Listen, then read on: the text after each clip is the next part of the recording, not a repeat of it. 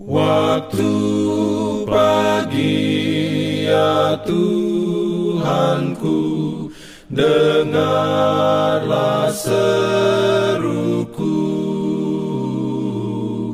Melayang doa yang sungguh Memandang padamu Selamat pagi pendengar Radio Advent Suara Pengharapan Mari mendengarkan suara Tuhan melalui tulisan pena inspirasi bersama Allah di waktu fajar.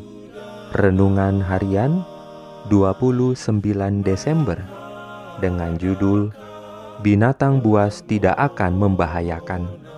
Ayat inti diambil dari Yesaya 65 ayat 25. Firman Tuhan berbunyi, Serigala dan anak domba akan bersama-sama makan rumput, singa akan makan jerami seperti lembu dan ular akan hidup dari debu. Tidak ada yang akan berbuat jahat atau yang berlaku busuk di segenap gunungku yang kudus. Firman Tuhan. Dalam pimpinannya Urayanya sebagai berikut. Saya melihat kebun yang lain penuh dengan segala jenis bunga. Dan ketika saya memetiknya, saya berseru, bunga ini tidak pernah akan layu.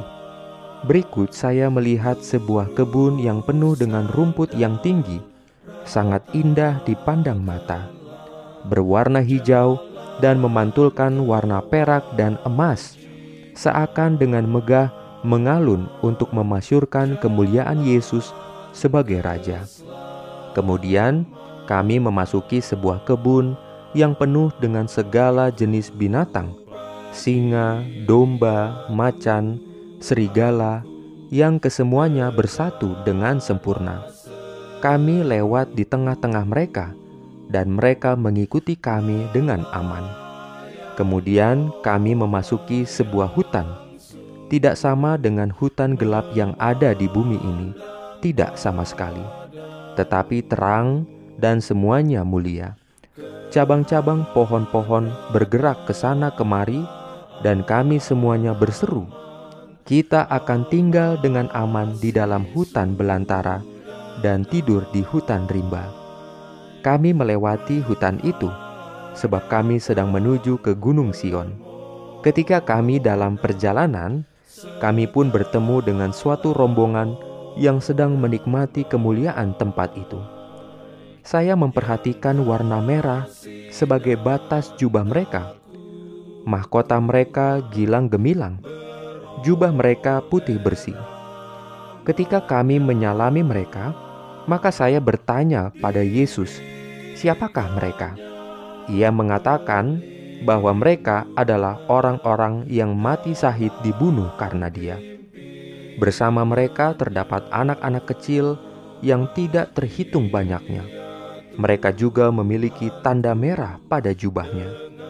Gunung Sion sudah berada di depan kami, dan di atas gunung itu berdiri Bait Kudus yang mulia, dan di sekelilingnya terdapat tujuh gunung lain yang di atasnya bertumbuh bunga mawar dan bakung.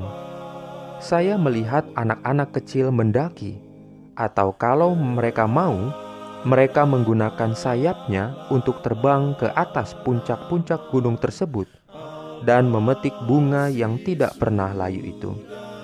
Di sekitar bait kudus itu terdapat segala macam pohon untuk memperindah tempat itu. Pohon den, cemara, senobar, minyak, pacar Belanda, delima, dan pohon ara yang cabang-cabangnya melengkung ke bawah sebab buahnya yang sangat lebat. Inilah yang membuat tempat itu semuanya mulia. Di sana saya melihat sebuah meja dari perak murni, berkilometer panjangnya, namun mata kita dapat melihatnya dengan jelas.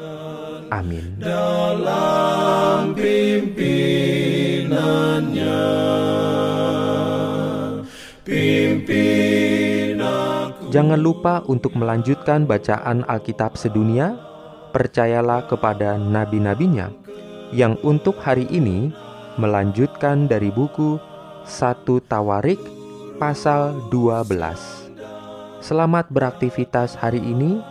Tuhan memberkati kita semua. Jalan kewajiban, jalan keselamatan.